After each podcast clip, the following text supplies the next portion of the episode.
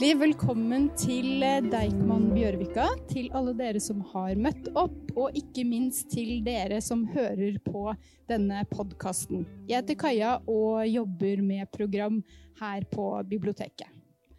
Og det er en stor glede å ønske velkommen til denne premieren på biblioterapi, der vi intet mindre enn løser livskriser med litteratur.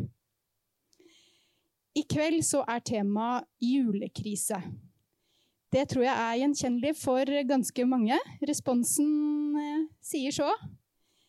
Men for å forklare nærmere hva biblioterapi faktisk er, så, og før terapeutene entrer scenen, så begynner vi med en kort samtale mellom eh, ordstyrer Ida Perlin Bostadløkken, som er bokhandler og podkastansvarlig i Morgenbladet, og førsteamanuensis på Westerdals Høgskolen Kristiania, Tor Magnus Tangerås, som både forsker på og selv driver med nettopp biblioterapi. Ønsk dem varmt velkommen og god fornøyelse.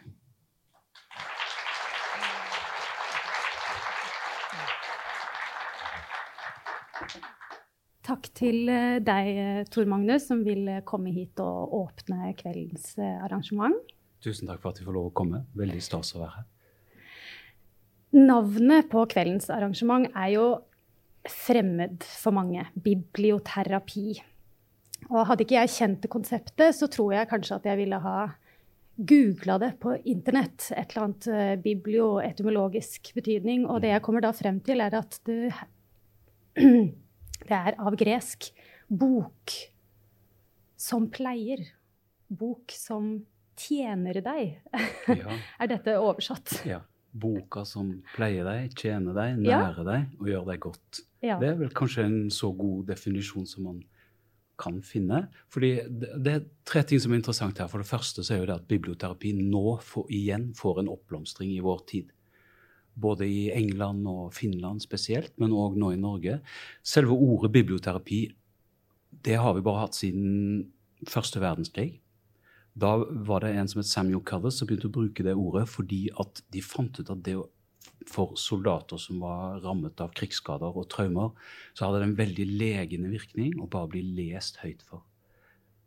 Høytlesningens betydning, både den beroligende stemmen og skjønnlitteraturens imaginære kraft, hadde da en veldig helende virkning på mennesker som var, rett og slett var sprengt i stykker av krigens grusomheter. Så da ble det ordet oppfunnet. Men historien til biblioterapi den går jo så langt tilbake som skriftspråket selv. Hvis vi går til de gamle egypterne, så hadde da faraoen over biblioteket så sto det følgende Dette er stedet hvor sjelen leges og heles. Og det samme med grekerne. Fra Homer og framover så var det sånn at logos, ordet og mening, det var for sjelen. Det eh, farmaka, medisin, var for kroppen. Så dette er noe vi egentlig alltid har båret på, men så er det mange grunner til at det nå får en oppblomstring igjen. Og det handler jo òg om at vi framveksten av sosiale medier, medier, åpenhet om psykiske lidelser, nye måter å bruke litteratur på, og f.eks. det at biblioteket nå ikke bare hjemmebøkene, men er blitt et møtested for oss mennesker som er glad i det talte og det skrevne ord. Du har jo skrevet en uh, bok som kom ut i 2020. og Den har tittelen 'Literature and Transformation'. Mer 'A Narrative Study of Life-Changing Reading Experiences'. Litteratur og forandring. Hvordan lesing kan forandre livet. Mm.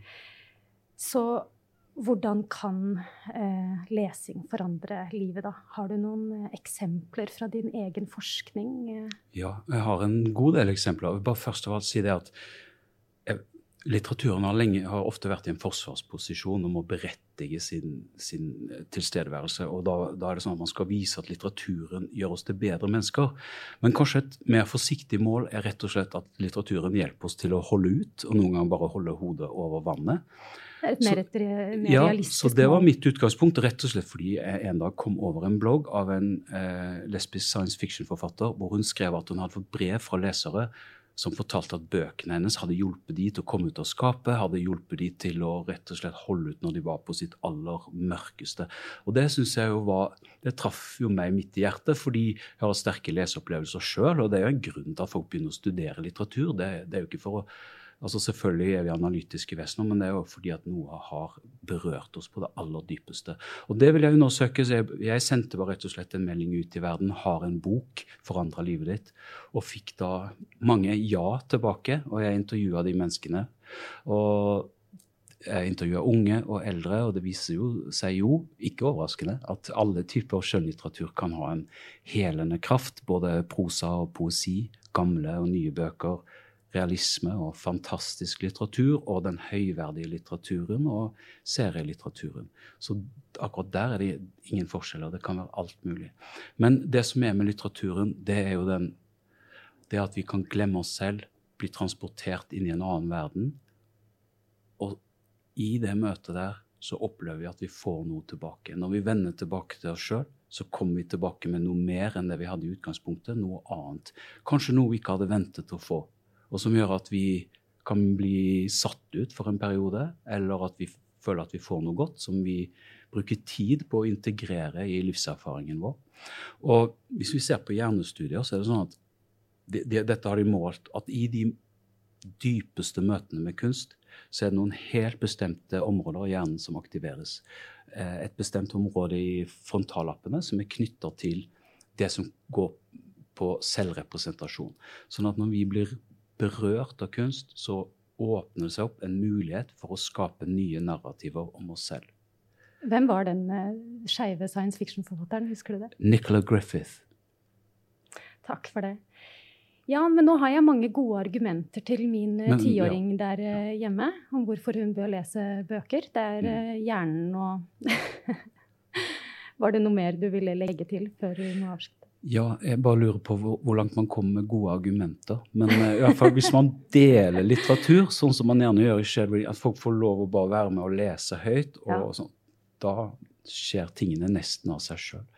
Men uh, selvfølgelig, du må jo ha Min oppdragerstil? Ja, ja. Nei da. Jeg så også, eh, la merke til en bok som jeg kjente igjen selv, som mm. jeg har opplevd som en eh, livsforandrende leseropplevelse. og Det er 'Lady Shatleys Lover' av D.H. Lawrence. Ja, Den er fantastisk. Ja, den er virkelig det. Og det er nettopp som eh, jeg har lest litt om eh, boka mm. di, om det at eh, det trenger jo ikke være at man har et problem helt klart for seg før man plukker opp en bok. Det kan jo skje noe i løpet av lesningen som bare åpner opp, at man føler seg sett, eller at mm. Ja, det, det, er sjelden vi har et ferdig formulert problem, og så går vi i bokhylla. Men noen ganger i livet så har det stoppet for oss. Vi står fast, eller vi er låst i et mønster, eller vi kommer ikke videre. Og så mens vi leser, da, kan være helt andre grunner. Det, hun som jeg intervjua, Veronica, hun ville rett og slett undersøke Lady Chatterleys lover fordi hun visste at den var blitt forbudt en gang. Fordi det visstnok skulle være seksuelle beskrivelser der. Så Derfor begynte hun å lese den, men hun levde seg veldig sterkt inn i den. og oppdaget på et tidspunkt at hun faktisk satt og heia veldig på Lady Chatterley. Ja. Altså høyt. Kom igjen, nå må du ta deg sammen. Nå må du eh, liksom forandre på ting. Og så måtte hun da stoppe opp og spørre seg sjøl hvis jeg kan heie så veldig på henne, hvorfor gjør jeg ikke det samme for meg selv? Mm.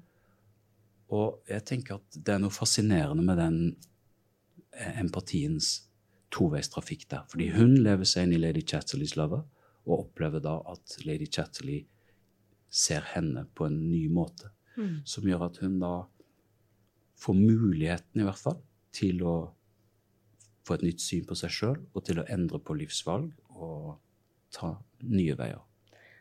Og dumpe kjæresten. Ja, ja. Det må man kanskje noen ganger. Det har blitt sikkert mange knuste hjerter etter Lady Chatterleys lover. Ja, ja. Vi er nødt til å avslutte. Tusen hjertelig takk for denne rike introduksjonen til biblioterapi. Jeg håper at vi kan snakke mer en annen gang. Ja, det håper jeg òg. Da skal jeg få inn, få inn terapeutene.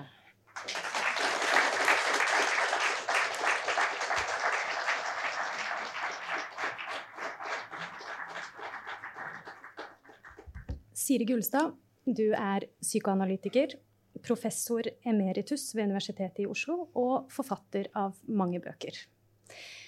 Og du har skrevet mange essays, bl.a. i Morgenbladet og Tidsskrift, hvor du opptil flere, altså stadig vekk, refererer til litteraturen. Ja. Uh, og jeg tror at jeg har lest et eller annet sted at uh, Min kamp, et uh, seks bind langt case-studie, egentlig, gjerne kunne vært pensum. Hvis, hvis psykologistudentene hadde hatt tid, da, vel å merke. Ja, det, så jeg sa kanskje det.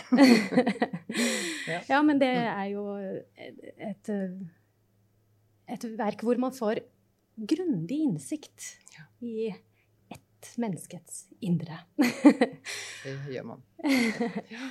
Sissel, Sissel Gran, du er jo Norges uh, Vår alles kjære terapeut. uh, vært psykoterapeut i, kan det stemme, snart fire tiår. Fra 79. Ja, fra ja. 79. Det, ja. Da har, du hørt, uh, da, det, da har du hørt mye. Kanskje hørt mange ting flere ganger. Ja, altså, jeg pleier å skryte på meg det at Siri og jeg har sittet over 80 år til sammen i terapeutens stol, så vi har litt greie på ting. og du refererer jo også stadig til litteratur i din uh, skriving, og jeg vet at vi bl.a. har en uh, poet til felles, Kristina Lugn. Ja, det er riktig. Som jeg tror en litteraturprofessor i Sverige en gang har kalt en patetisk At hun har en patetisk, desperat eh, stemme. Det syns jeg var veldig artig. Men, hun har et dikt som heter 'Du måste komma nu'. Ja, det er nettopp det. lengter etter kjærlighet. Ja. Og hun tar, legger ikke fingrene imellom. Nei.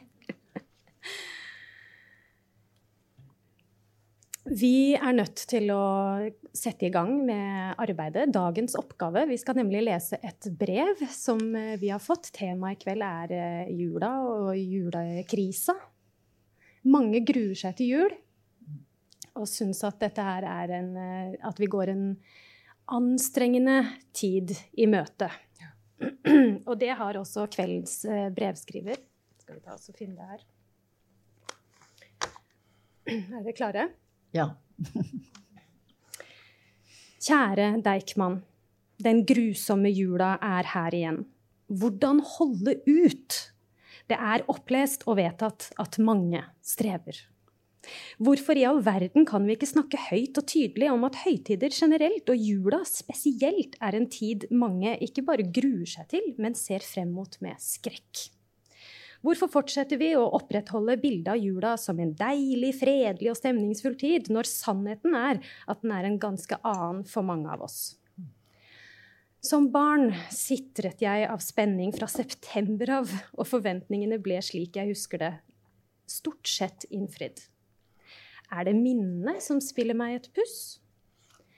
Situasjonen er er i hvert fall definitivt en annen som singel mann på 46 år der min rolle i familieselskaper er å underholde og være gøyal og tra travel tullonkel som forteller om spennende reiser og artige interesser.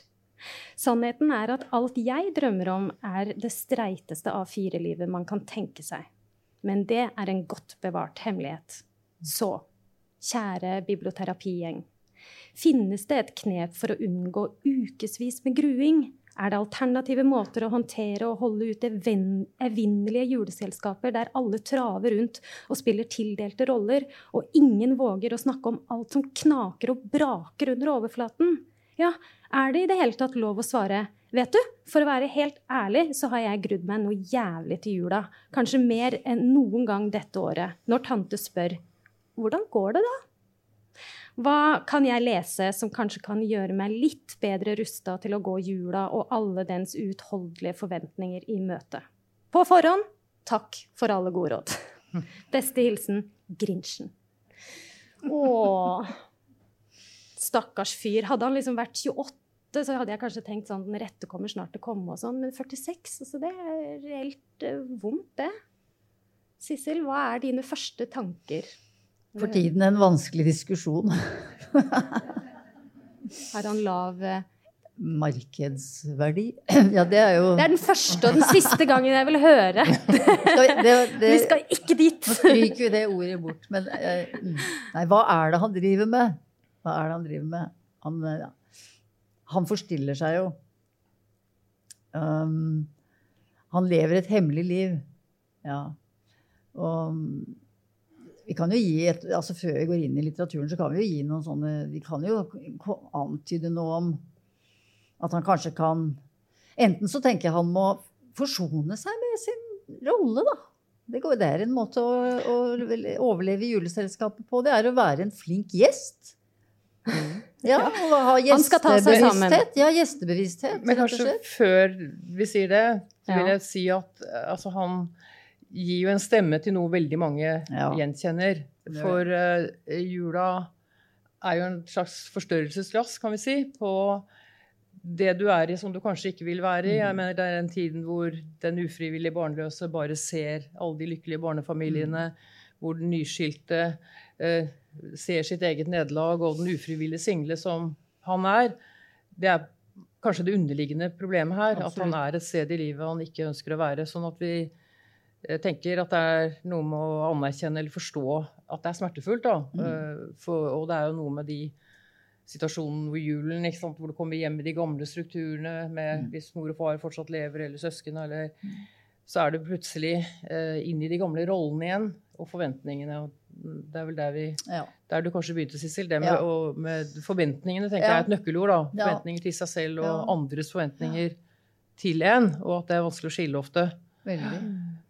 Og så er det jo vanskelig, altså det har vi jo tenkt litt på, det er vanskelig å komme hjem. Altså det er vanskelig Ja. å komme hjem til mor og far f.eks., eller til slektninger i, i julen. Ja. fordi da faller du veldig fort inn i barnerollen, Mm. sånn som jeg husker selv. altså Du blir liksom Du kan bli tverr.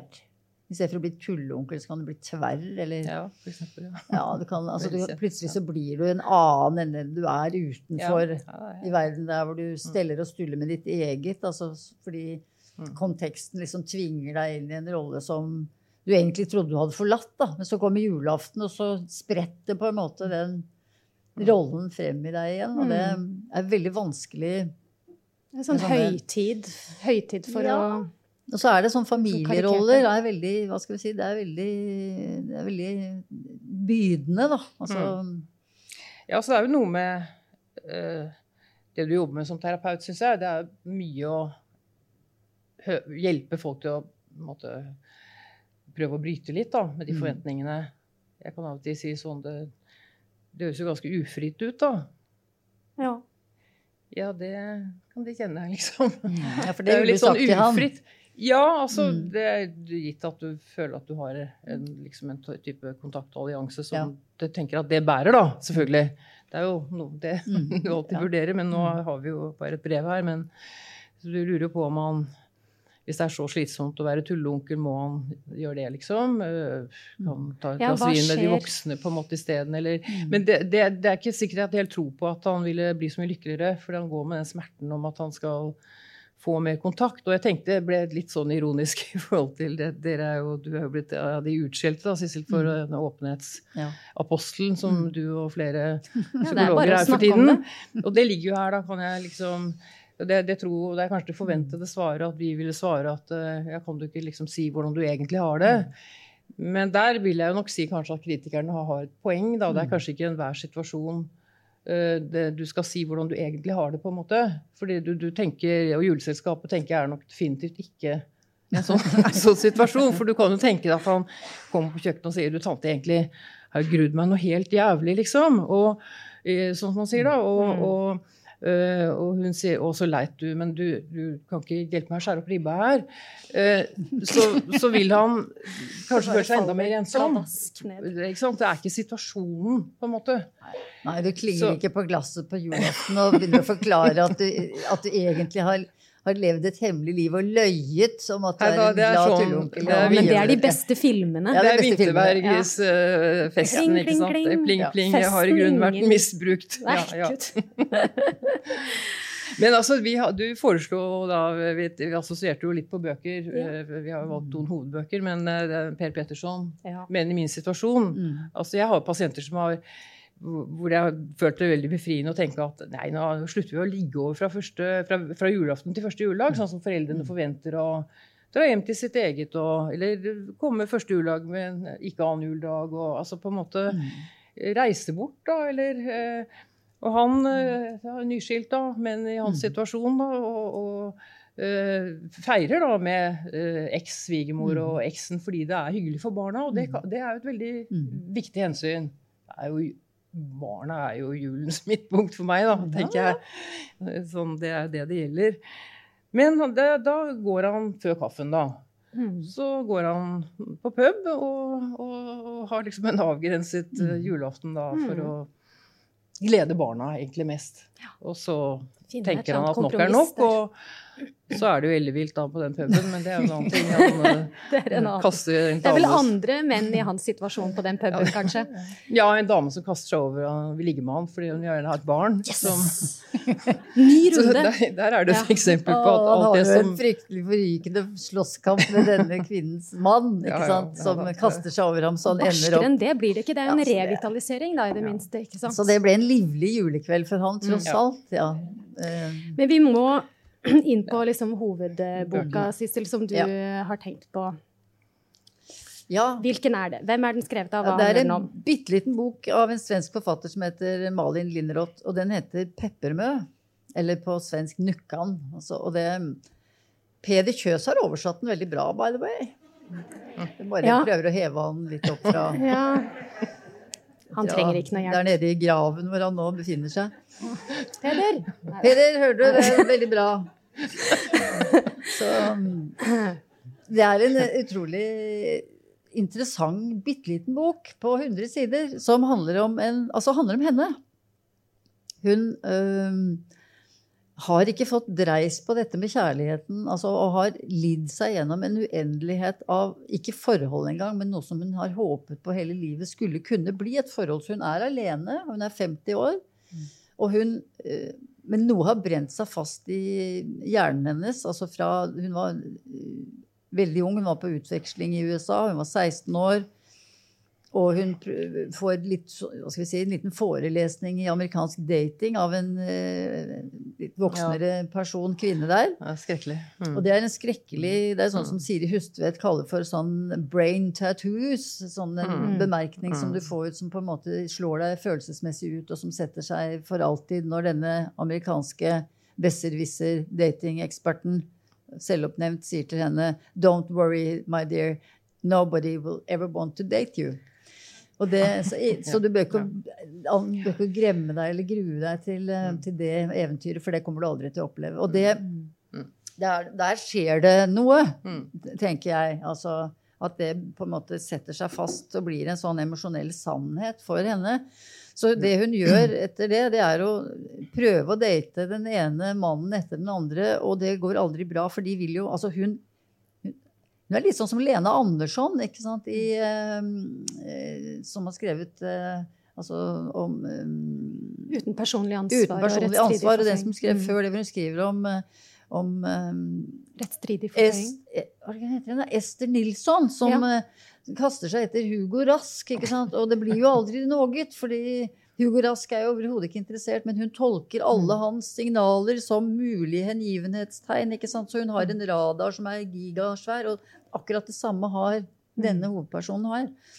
Og så begynner hun å skjønne etter hvert at sånn kommer kanskje livet til å bli. Og så er det en episode her, det er en julescene. For det er jul. Det er en julescene her som, eh, som jeg kanskje kan lese.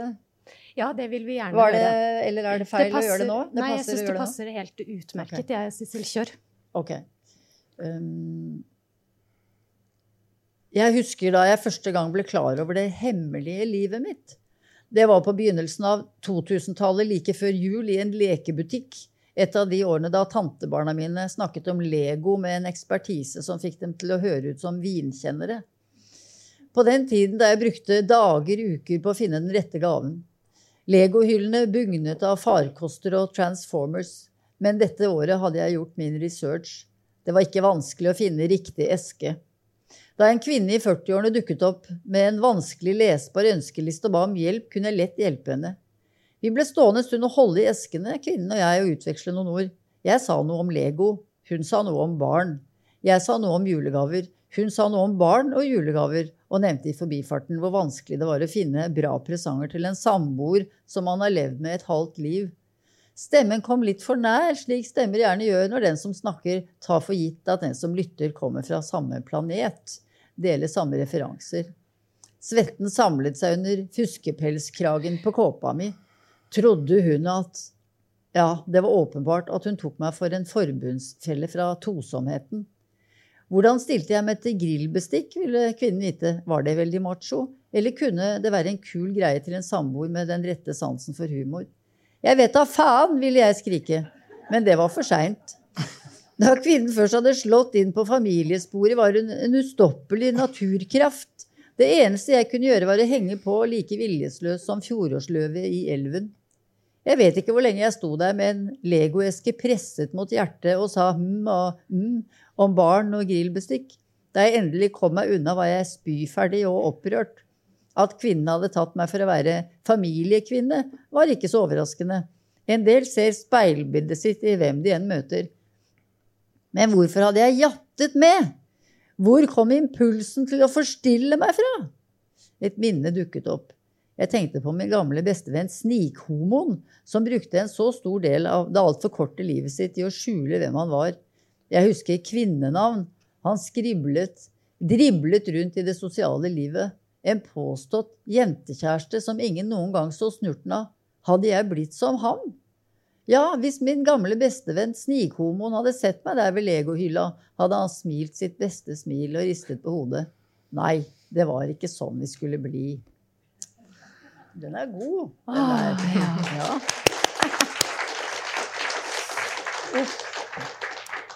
Men det løser seg. Jeg vil bare si det. For det, altså hun finner ut av det. Ikke i form av at hun finner en mann, men at hun greier å reclaime hele Peppemø-tilstanden sin og identiteten Peppemø. Altså ikke sånn at hun blir stolt Peppemø, men hun blir en enslig kvinne som står for at det er en ensomhet i det. Mm. Og at hun egentlig gjerne ville hatt en livskamerat. Og hun Mm. sier også jeg kunne blitt en bra livskamerat. Mm. Men jeg vil ikke høre av flere venninner og bekjente at det er en der for alle, skjønner du. Bare vent, så kom, dukker han opp.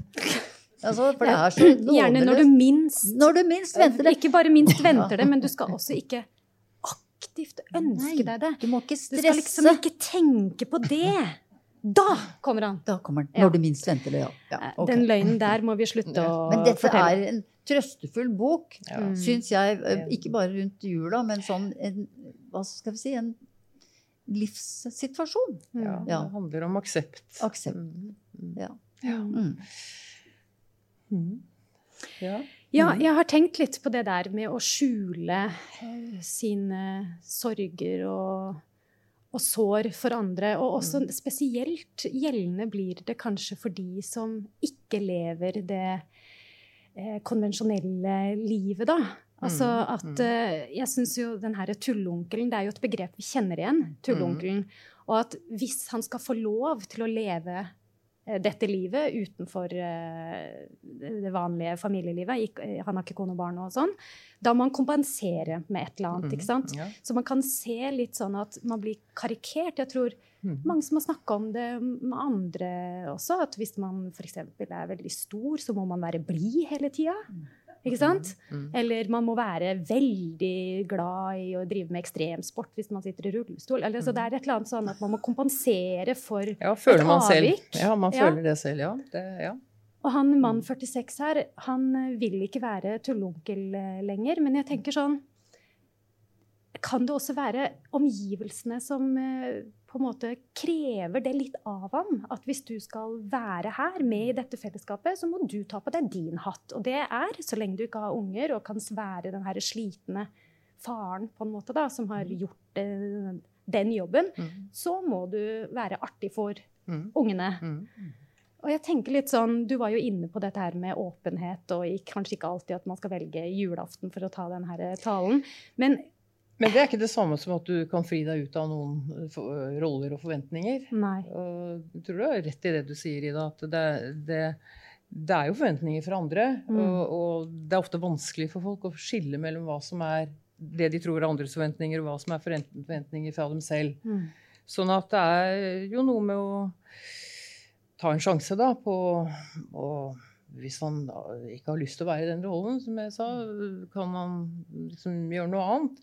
Problemet er jo på en måte hvor mye det er problemet, eller mer det underliggende. Om han da vil føle at han får tross alt en viss bekreftelse i den tulleonkelrollen.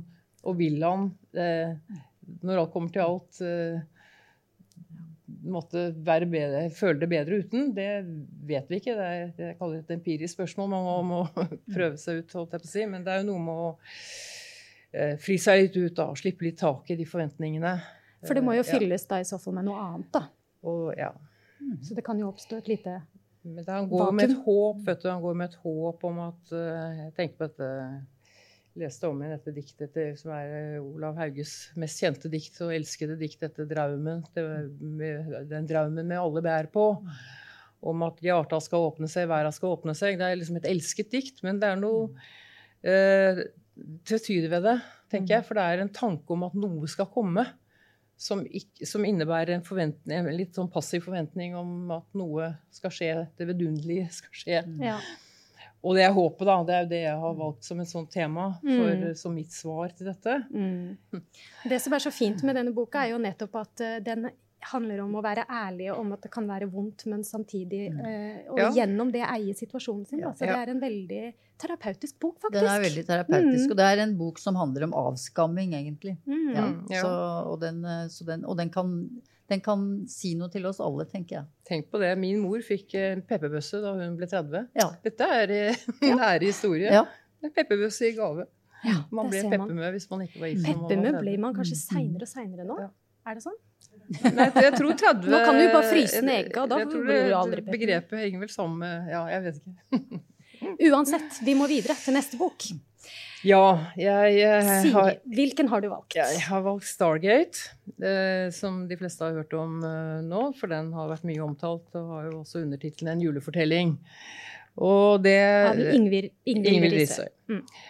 Eh, og det jeg vil snakke om, eh, er det at den, den behandler det jeg tror er et veldig underliggende tema her.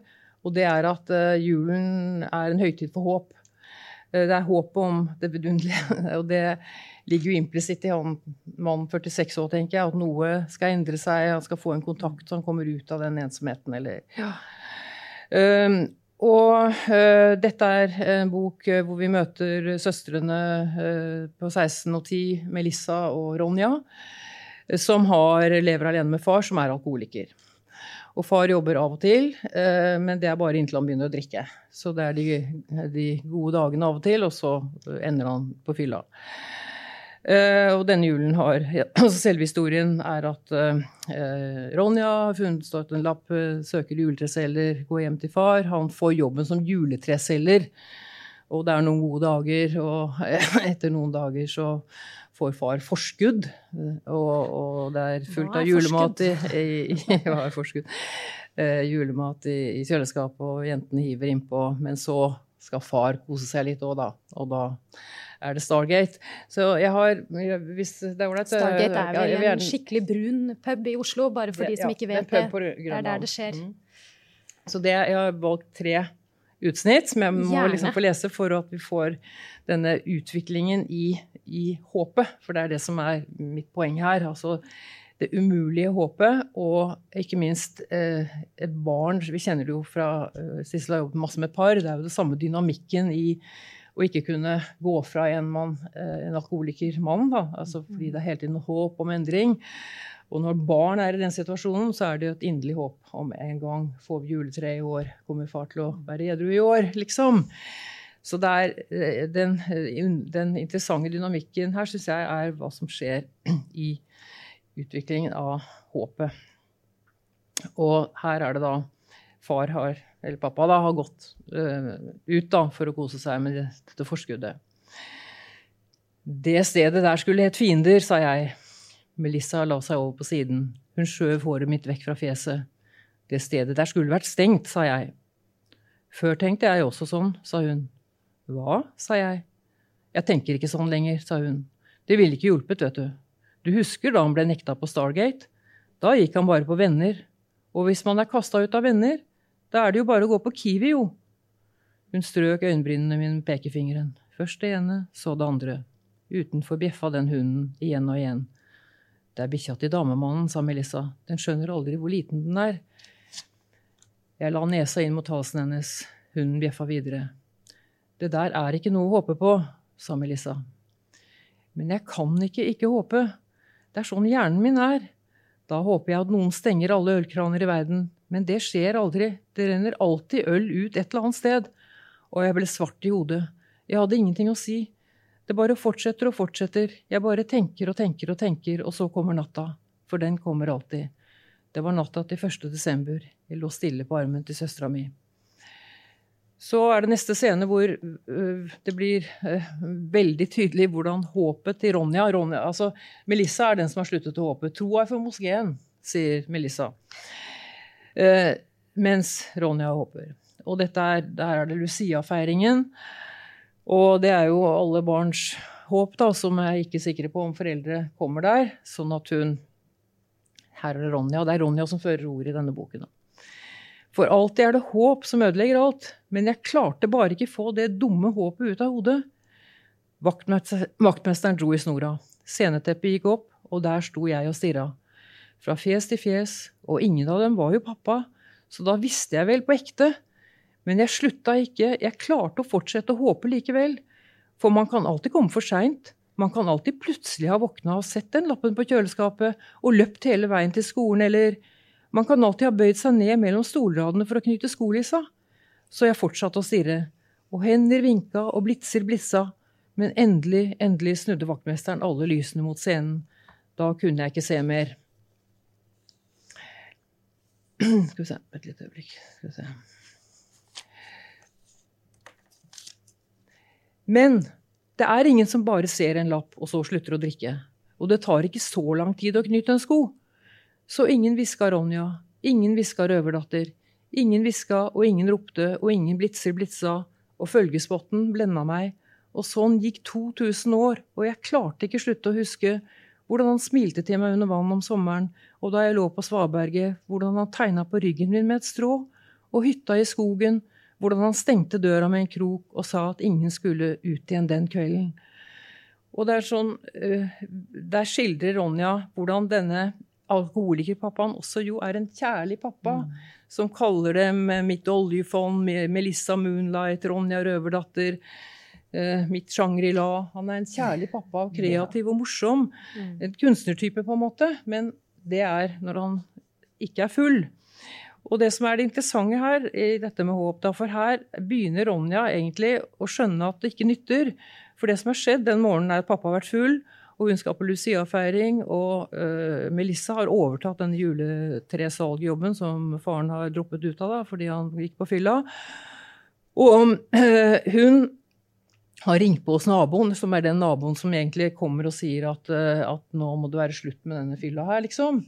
Aronsen, enkemannen. Next door, liksom. Og hun har stått på og ringt på klokken syv om morgenen og spurt kan du stryke Lucia-drakten min. Og han skjønner tegninga, slipper henne inn, stryker alle blondene og gir henne fleskepølse og skiver.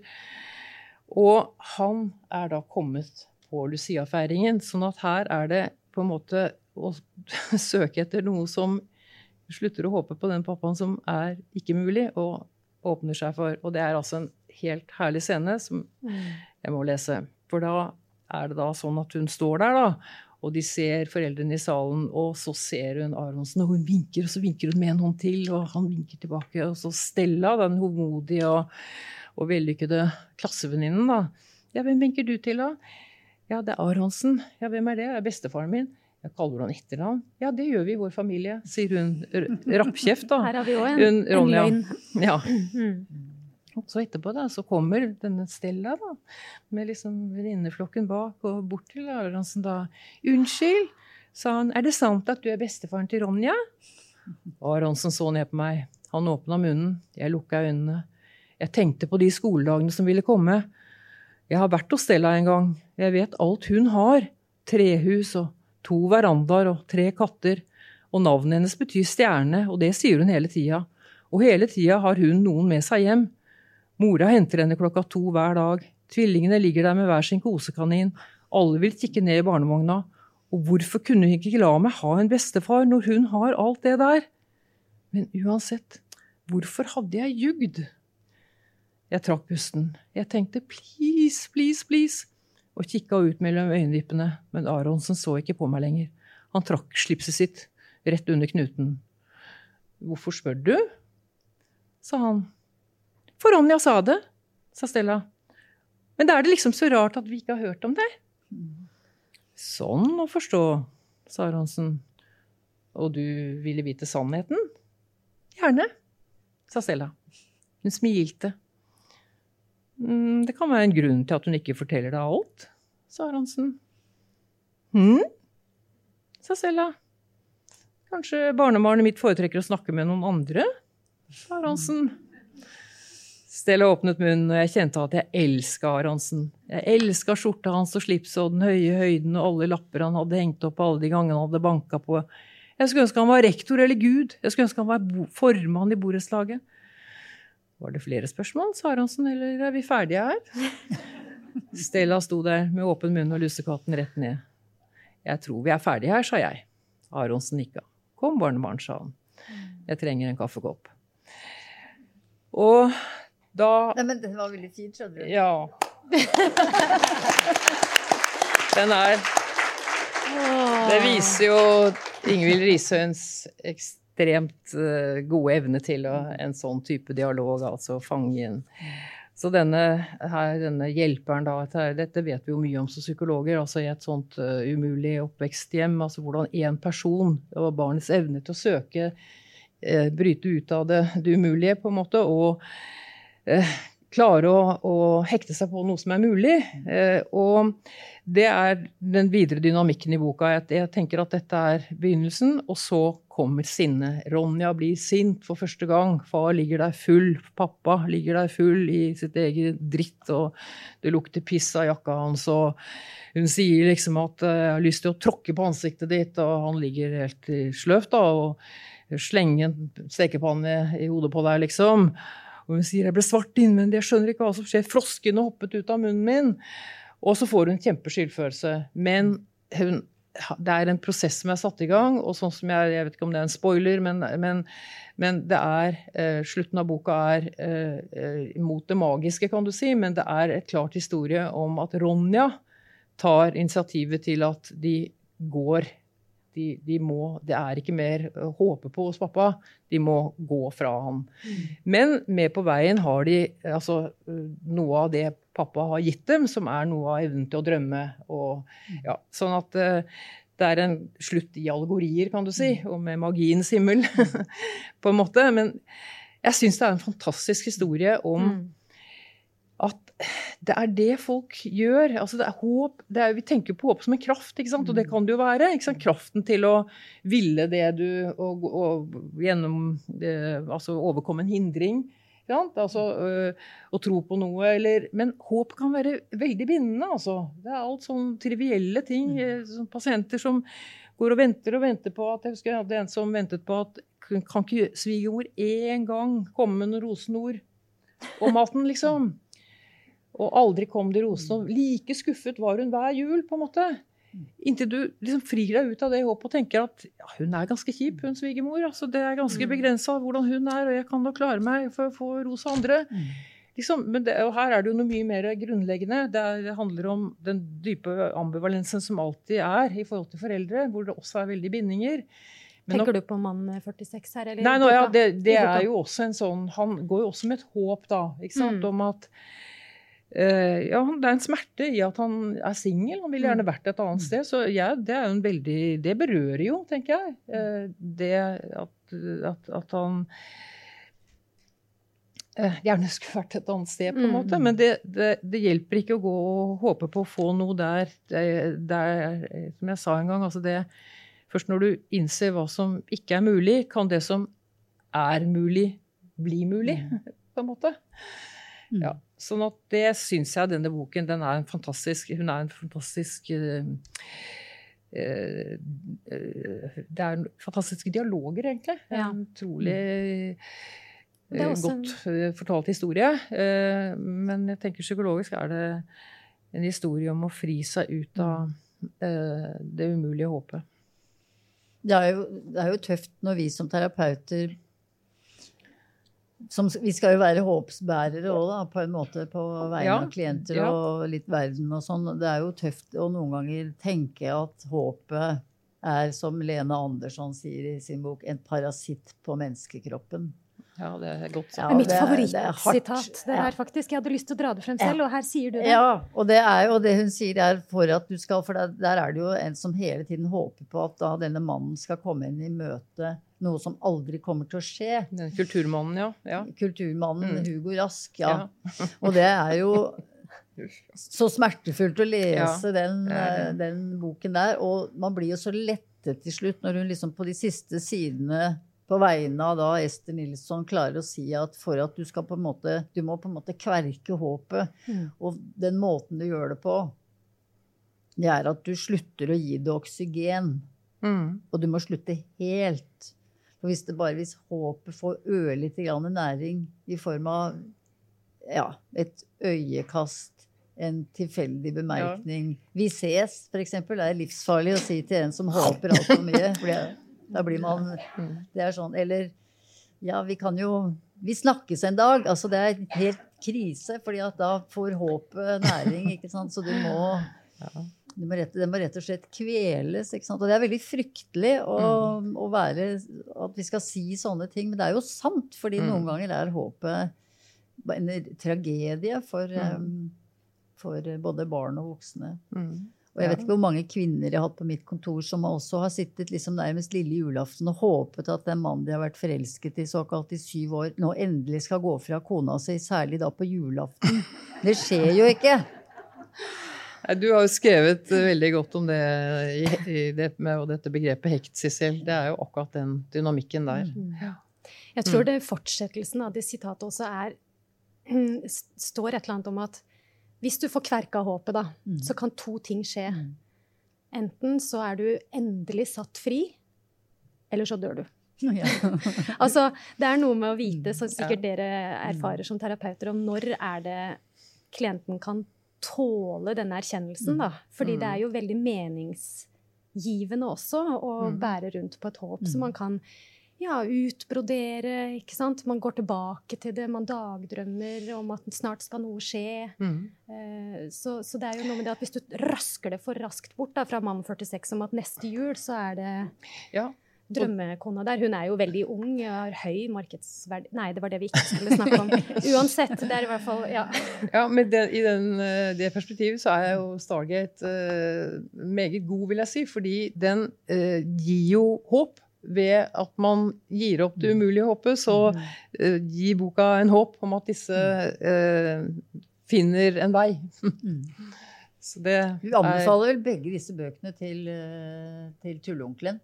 Ja, vi her, gjør det. Ja, her er det Jeg trøst å ser finne. han Her er det lindring. Julen i møte. Ja. Altså, han er liksom så sterk dette i år. Han er jo fortsatt artig, men han har eh, en annen liksom, forankring i seg selv. Han er eh, mann 46 nå. Så det, og da skal du se at eh, drømmedama eh, kommer. Eller? Ja, ja. hvem vet? Altså, vi har fem minutter eh, på oss. Jeg vet ikke om vi skal gå inn på de, for det har nemlig kommet inn flere brev. Og jeg vet at du, Sissel, har du veldig, veldig raskt gjorde du deg noen sånne assosiasjoner. Så vi kan jo bruke de siste minuttene vi har på de andre brevene, nå som vi fikk snakka så godt igjennom. Ja. Og det er jo Jeg tror Skal vi velge hun som er eh, sur på foreldra sine? Mm. For de er det så mange av. ja, det er sånn. Ja, ta det. Det er jo liksom høytid for nettopp den her fantasien om at nå skal vi snakke ut, liksom. Altså, jeg vet ikke, jeg tror kanskje ikke, ikke sant? 30-åra er tida man innsender at man hadde visst ikke en bra barndom likevel. Den har visst vært helt forferdelig. en Ikke sant? De har ikke sett meg på en måte. Mm. Ja. Kjære Deichman, kjære Sissel Gran, Siri Gullestad, Ida Palin Bosteløkken. Mitt problem er som følger hvordan kan man som ung voksen hjelpe den eldre garde med å forstå at de ikke lenger er foreldre som får barn hjem til jul, men besteforeldre som blir sendt på rundgang til jul. Ja, ikke sant? Så det må de forstå. det er allerede en litt kinkig start her, kjenner jeg. Jeg syns ikke hun høres sånn veldig sympatisk ut, kanskje, men ja. Jeg skummer litt igjennom her. Problemet er at besteforeldregenerasjonen ikke ønsker å gi fra seg jula. De skal lage ribba, og jula skal være hjemme hos dem, hjemme hos dem slik det alltid har vært. Og så skal da alle komme hjem til dem, mm. single, svigerbarn, barnebarn, og så skal da sikkert eh, kanskje typisk da bestemor da liksom være den som øser av Altså Hun har stått på hun i dagevis. Hun skal fortsette å være det emosjonelle sentrum. Ja. Det, og det er veldig vanskelig for mange eldre å gi opp. For det er eh, den generasjonen som har barn, som det, det, er i hvert fall sånn jeg tenker om det. Det er, det, er mm. det emosjonelle sentrum, på en måte.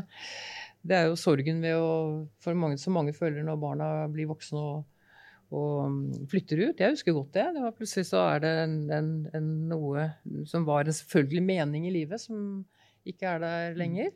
Mm. Så det er noe med å klare å sørge det, holdt jeg på å si. Mm. Og ja gi fra seg den posisjonen. Jeg følger henne veldig. altså. Føler, og jeg vet ikke om de skal forstå det, om de klarer det, men hun må si at er, eh, vi vil gjerne ha lue i jula i år. Det er mye mer eh, mm. praktisk. Ja. Så det blir hos oss i år. Mm. mm. Det er et usedvanlig pragmatisk råd fra en psykoanalytiker, må jeg si. Altså, det er jo ikke noe, ikke noe, noe hva, Nei, Du bør ikke gå inn i noe lang, lang psykoanalyse der, nei. Det er, bare å finne fram en kalender, det. Også, ja. Liksom, eh, ja. Jeg tror det er veldig lurt. Altså, da kan vi da kan vi slippe, da vi gamle da, kan slippe også at julemiddagen skal stå på bordet klokka fire, og at alle pakker skal pakkes opp eller være pakket opp, og at vi skal ha gått rundt juletreet før klokka sju. Ja. Det går ikke, vet du. Nei, i hvert fall ikke med dine Iallfall ikke i mitt hjem. Altså, hvor, er, hvor, man pakker julepakkene klokka ni på julaften i raseriet inne på sitt kontor. Jeg bare henviser til da, min mann, for eksempel, som jo ja. I det ligger det jo en protest mot selve jula, da. Ja, ja. ja. Mm. Det derimot er mat for en psykoanalytiker. Men det får bli en annen gang. Det tar vi neste gang. Tusen hjertelig takk for eh, denne sesjonen eh, hos dere. Det var en fryd. Selv takk.